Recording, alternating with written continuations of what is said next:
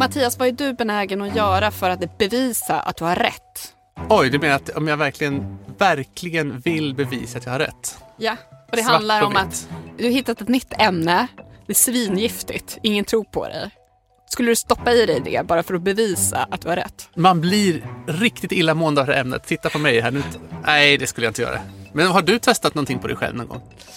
Alltså jag håller ju på med sån här tråkig registerforskning. Jag, jag Eh, testade att fylla i en enkät. Ja men typ, jag har ju hållit på med sånt. Alltså jag är ju med i mina studier i och med att jag är svensk medborgare och jag använder nationella register. Så att jag finns ju med där någonstans utan måste- att vara särskilt medveten om det. Då måste jag ändå säga att vi toxikologer är lite tuffare. Det finns ju en hel del forskare som har testat gifter på sig själv på olika sätt. Kanske inte med de mest allvarliga effekterna, men de har ändå liksom druckit ur bägaren. Hej och välkommen in i riskzonen med mig Emma Frans. Och mig, Mattias Öberg. Idag ska vi prata om forskaren som försökskanin. Vad är man som forskare beredd att utsätta sin egen kropp för? För att bevisa att ens hypotes stämmer. Och Emma, du har ju också pratat med en av mina kollegor, Gunnar Johansson, som faktiskt har testat gifter på sig själv. Ja, han verkar ju ha sysslat med det en hel del faktiskt. Mycket mer än vad jag har.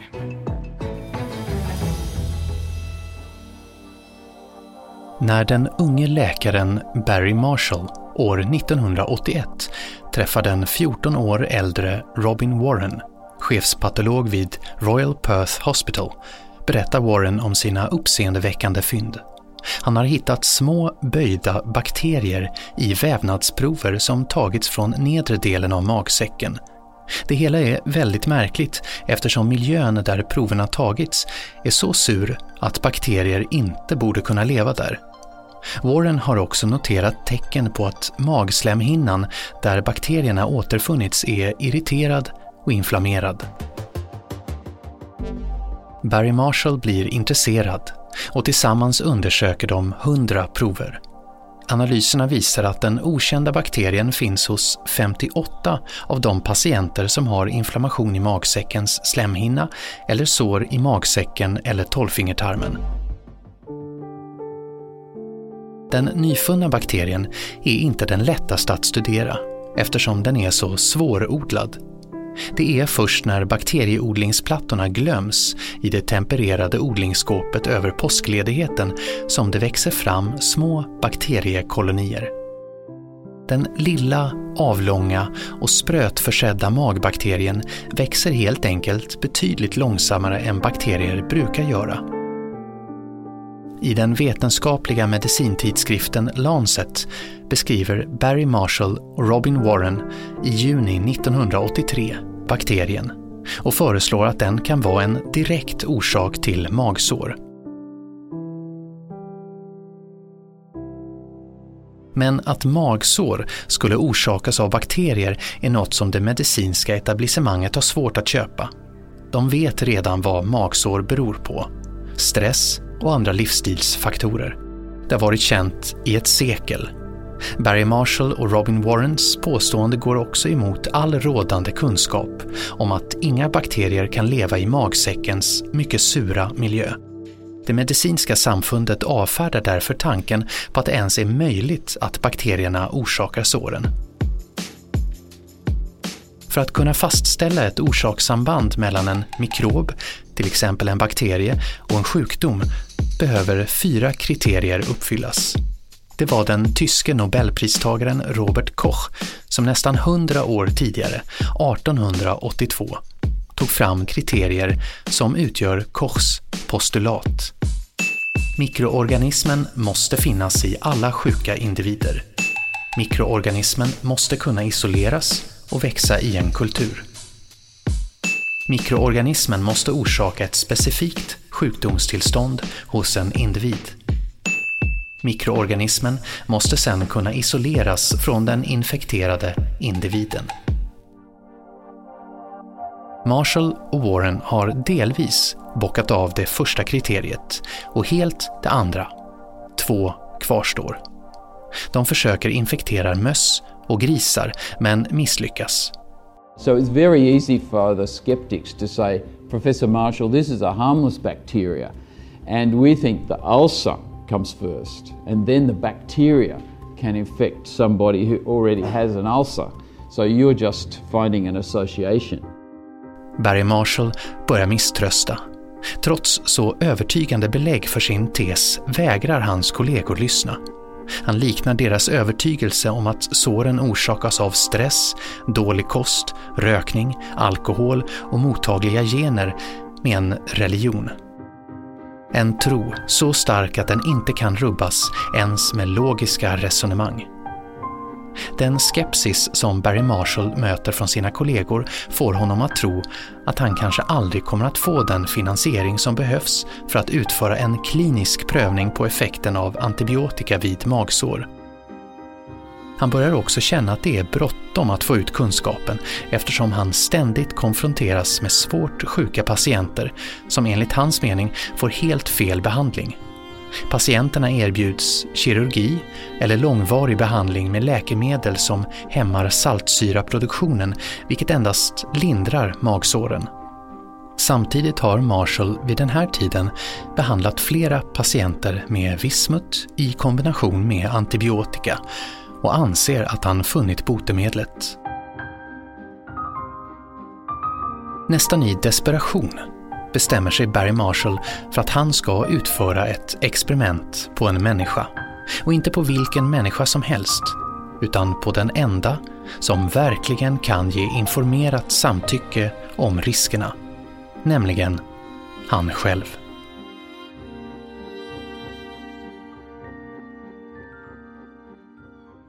Kommer du ihåg att vi gjorde ett avsnitt om Ignaz Semmelweis som... Eh, Handtvättens fader. Handtvättens fader, exakt. Jag tycker på något sätt att Barry Marshall påminner lite om Ignaz Semmelweis i och med att de på något sätt kämpar lite i motvind. De är väldigt övertygade om att de har rätt men de har liksom det här motståndet som finns bland det medicinska etablissemanget. Det är ingen som vill lyssna på dem. Frustrationen av att ingen lyssnar och sådär. Men vet man hur han kom på den här idén om att faktiskt exponera sig själv? Nej, men han försökte ju uppnå de här kriterierna, alltså de här Cox postulat. Och där hade man ju lyckats eh, påvisa den här mikroorganismen bland personer som hade magsår eller inflammation. Man hade kunnat liksom odla fram den här bakterien också. Men det som kvarstod då, det var ju att faktiskt också orsaka sjukdom hos en individ. Och man försökte ju med liksom möss och grisar och sådär, men det lyckades han inte få till så att han kände väl att ja, men jag måste testa det här på en mänsklig värld. Och vem ska jag då utsätta för det här experimentet? Ja, nej, men jag får väl på något sätt göra det på mig själv.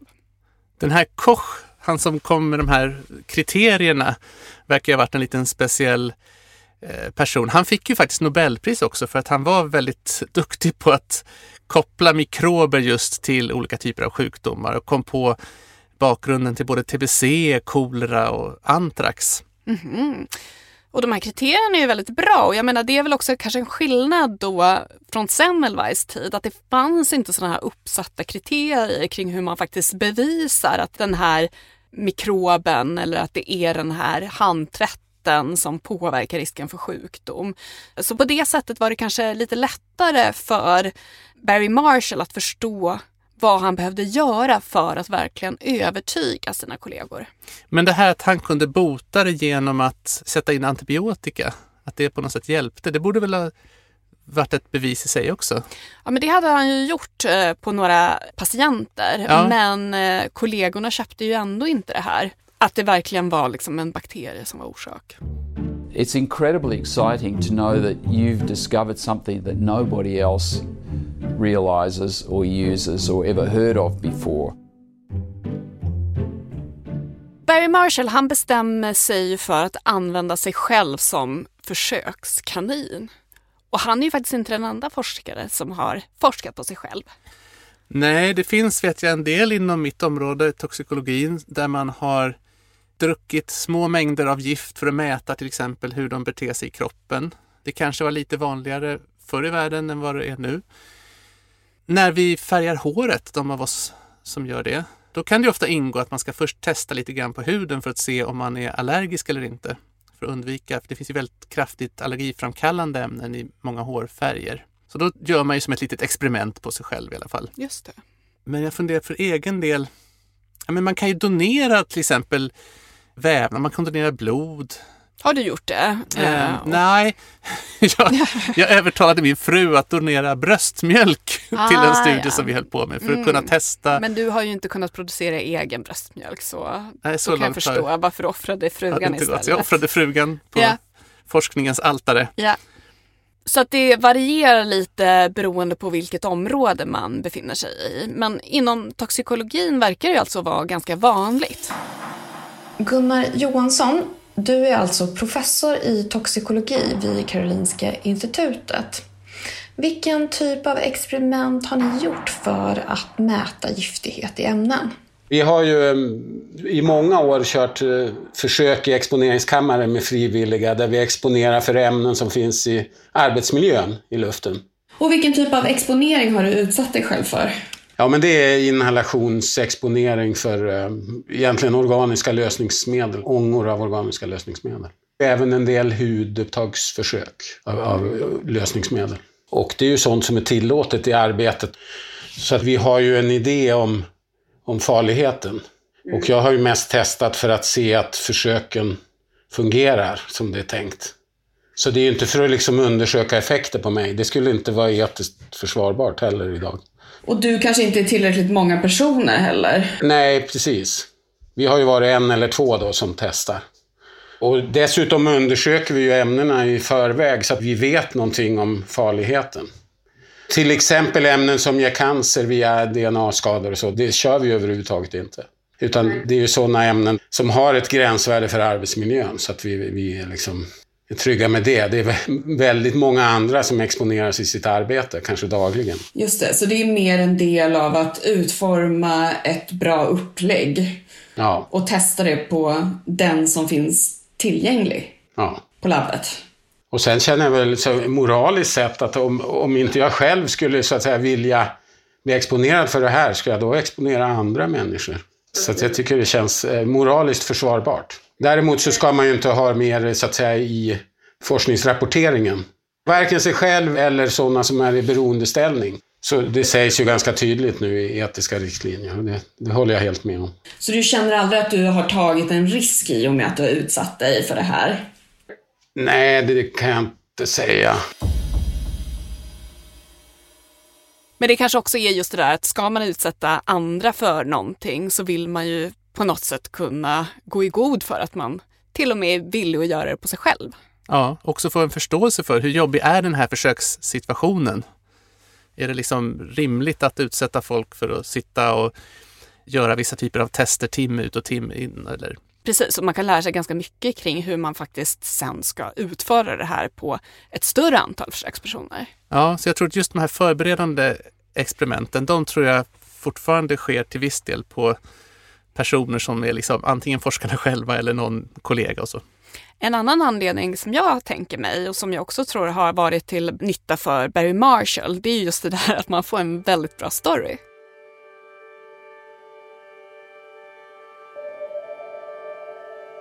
Innan experimentet på sig själv genomförs en endoskopi på Barry Marshall. Syftet är att plocka ut frisk vävnad som kan användas för att jämföra hur vävnaden ser ut efter eventuell infektion. Därefter dricker Marshall en köttbuljong blandad med bakterier som odlats från en 66-årig patient. I did take a few safety precautions, so I made sure that I was taking an antibiotic sensitive bacteria. So, fingers crossed, I could have eradicated it if I developed an ulcer. Redan efter några dagar kommer illamåendet i kombination med illaluktande andedräkt. Efter ytterligare några dagar börjar Barry Marshall kräkas. Han upplever också både trötthet och sömnsvårigheter. Most of the things that happened during that self experiment were a bit of a surprise. I thought I would have no symptoms, but I was vomiting. Efter tio dagar genomgår Marshall en ny endoskopi som, till hans stora glädje, visar förekomst av Helicobacter pylori i vävnadsprovet. Vid det här laget har Marshalls kräkningar upphört och han tror sig ha gått in i en asymptomatisk fas. En endoskopi som genomförs fyra dagar senare visar dock att magen ser normal ut igen och bakterien kan inte påvisas i något av de prover som tas. Han har självläkt utan antibiotikabehandling.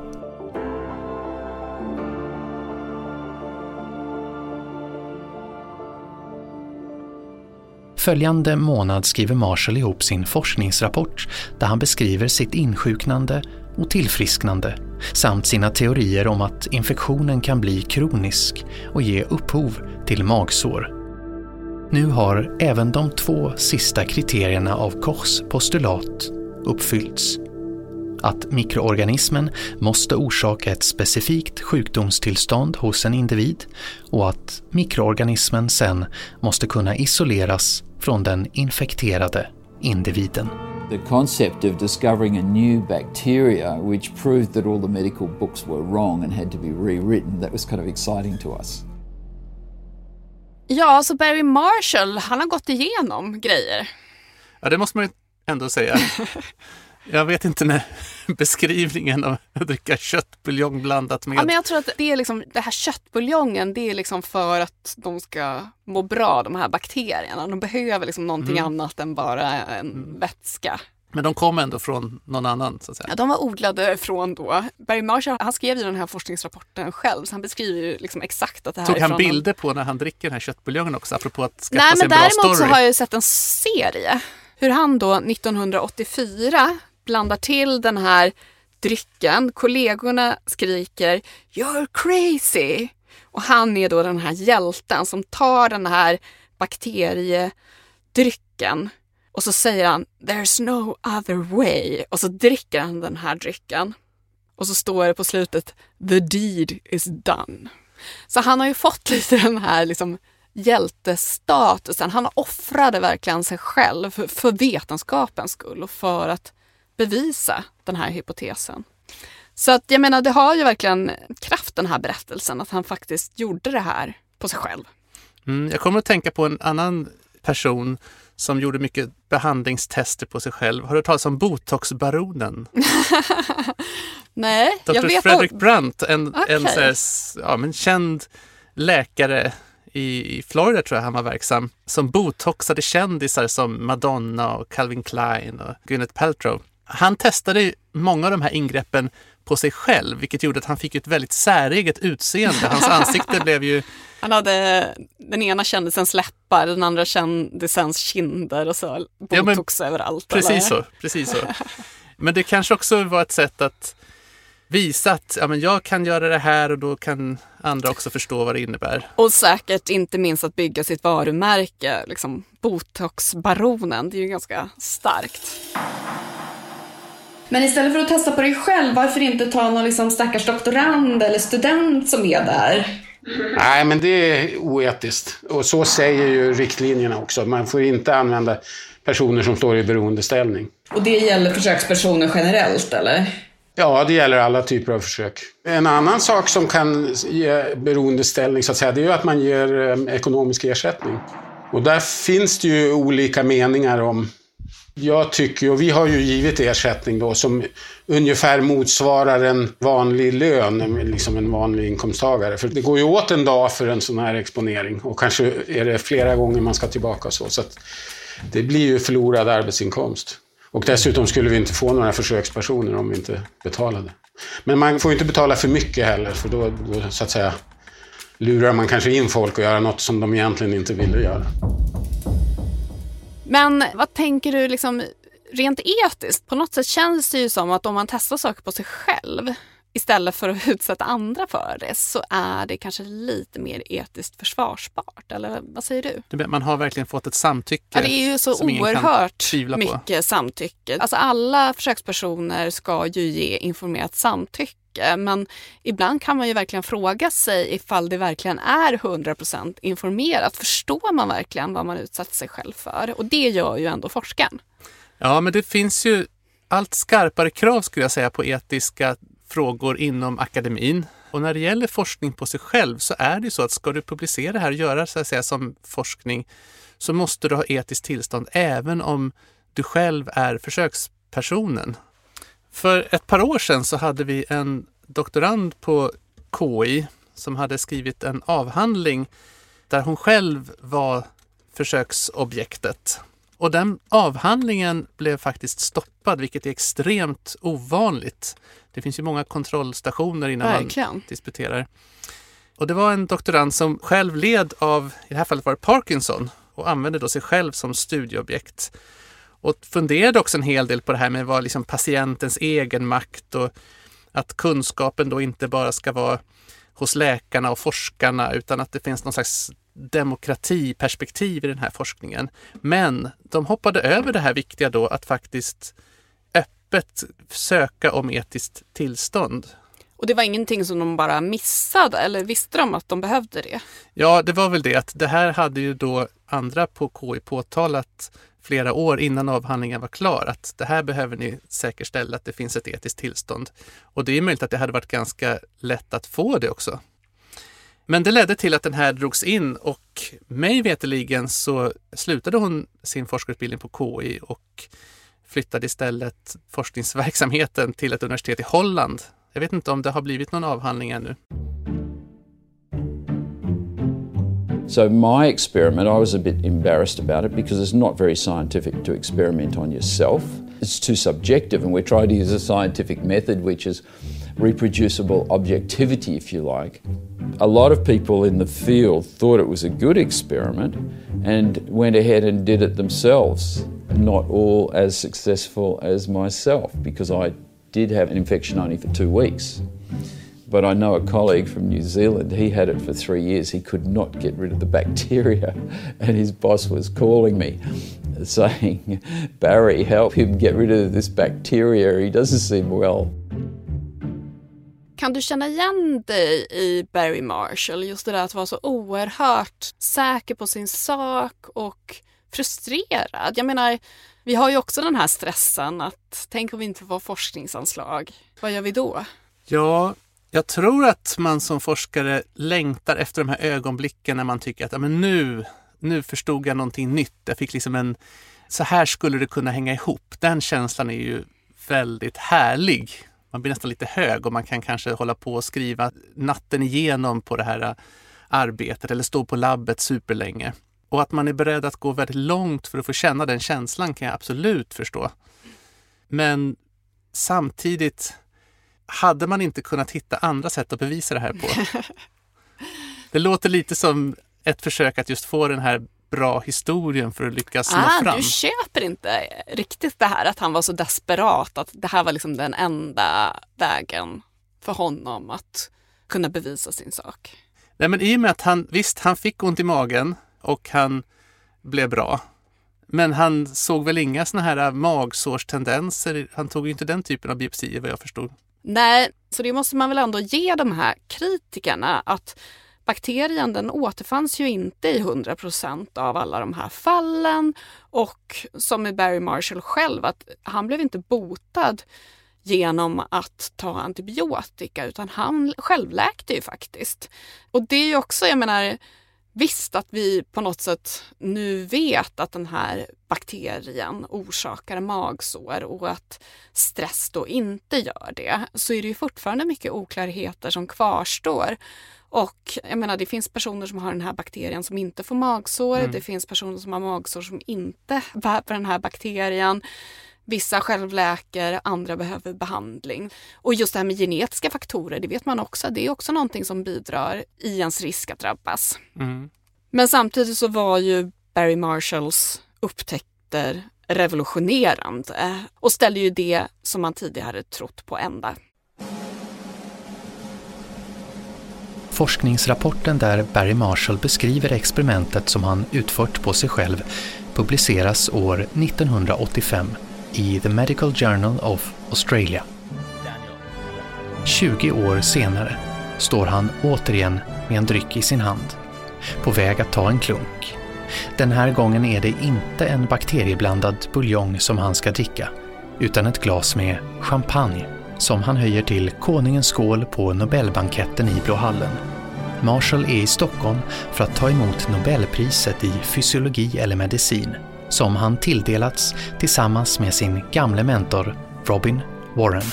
Each year when there's Nobel Prize announcement, I used to take Dr. Warren to the pub we have a drink of beer and waiting for the phone to ring. And so 2002, nothing happened. 2003, nothing. 2004, nothing happened. So we're like, so is this, ah, too late now. We're getting too old. And then still 2005, so we went to the pub. We're drinking our beer, and then the phone rang. Hello, Dr. Warren.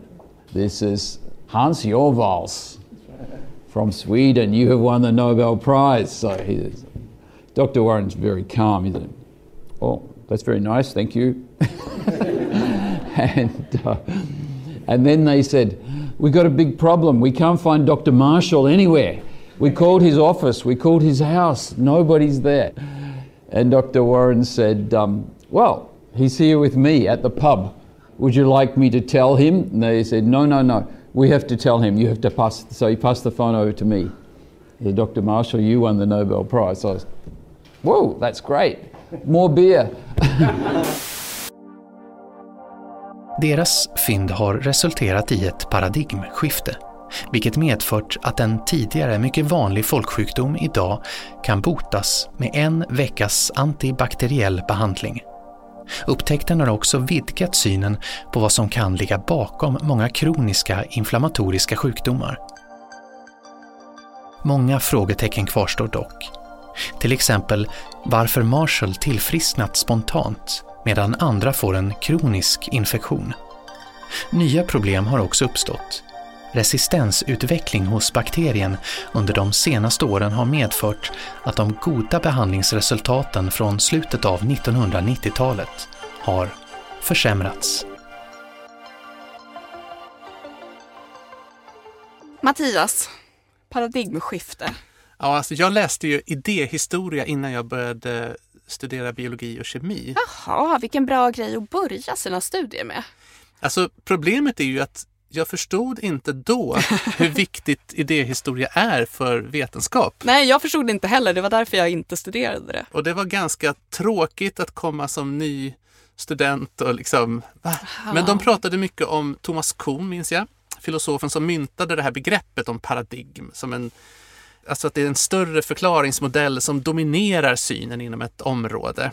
Till exempel då så hade man ju för länge sedan paradigmet att sjukdomar orsakas av en obalans i kroppsvätskorna. Just det. Humoralpatologin eller vad man kallar Ja, det för. och då ledde ju det till att forskningen handlade mycket om hur ska vi ta fram den bästa typen av åderlåtning? Eller Kräkmedel Ja, eller precis. någonting påverkar de här Allting- balanserna. hela forskningen rör sig inom det här paradigmet tills Ja. någon plötsligt säger att ja, men Var det Louis kropps- Pasteur? Hallå, hallå.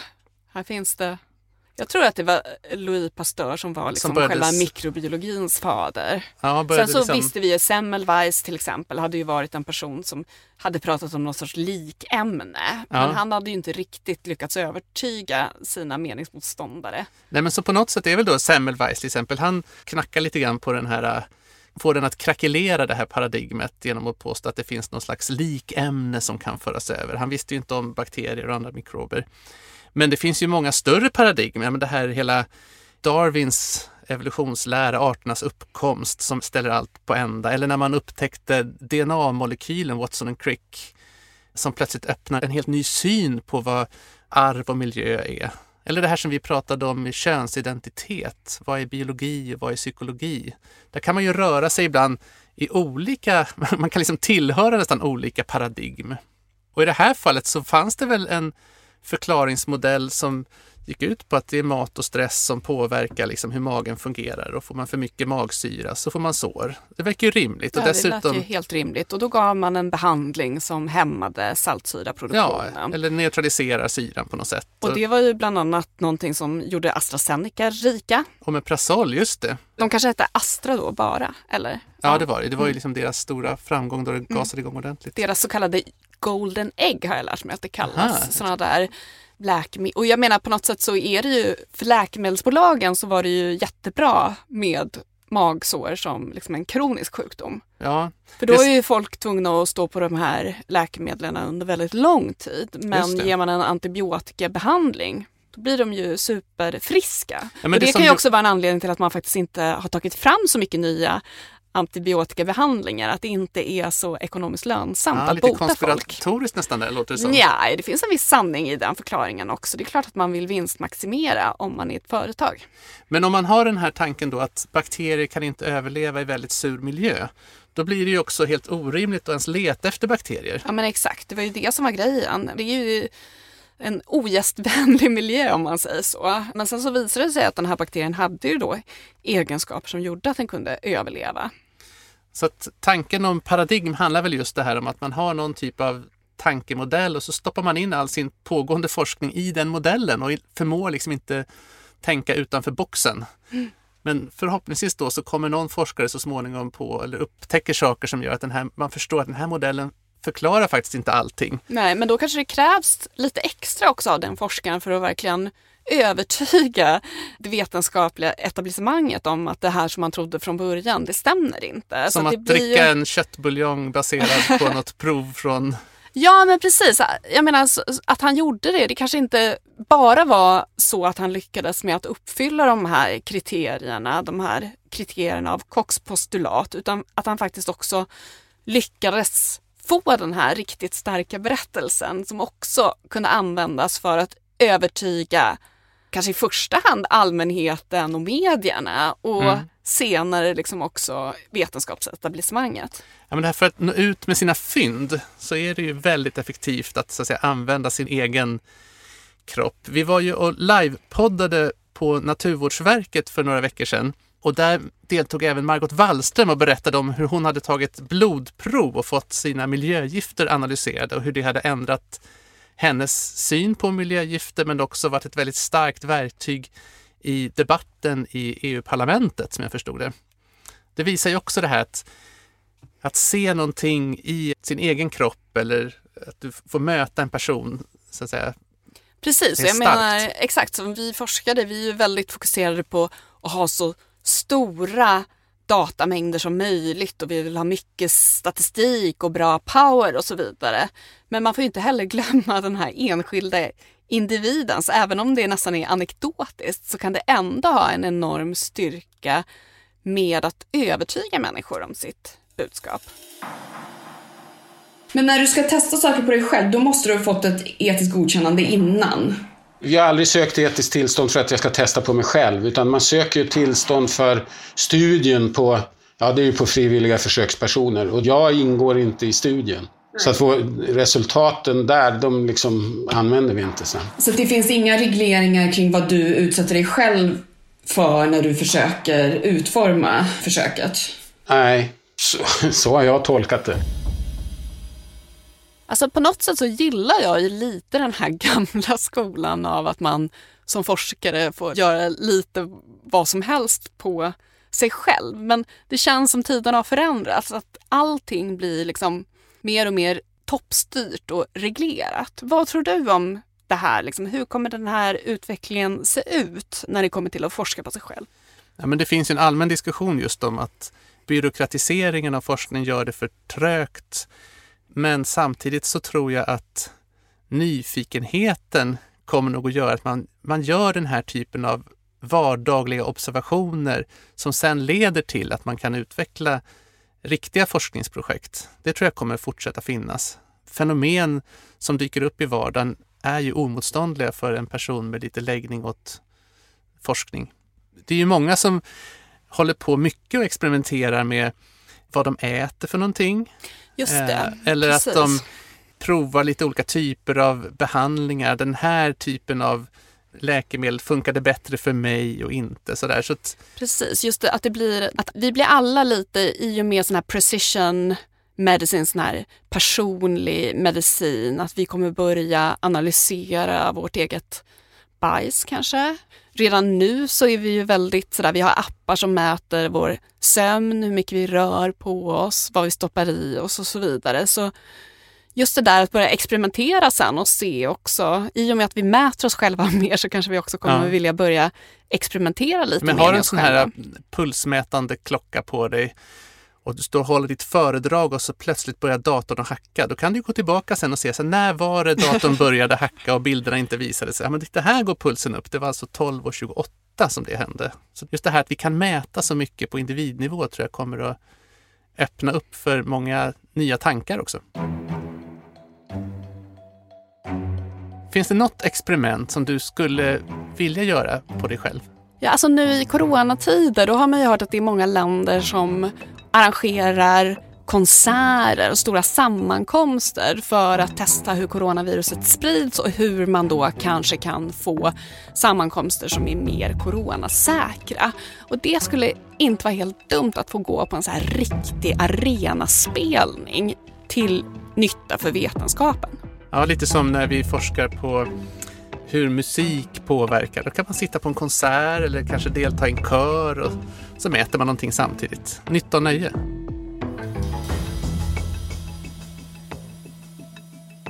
Tack för att du har lyssnat på Riskzonen med mig, Mattias Öberg.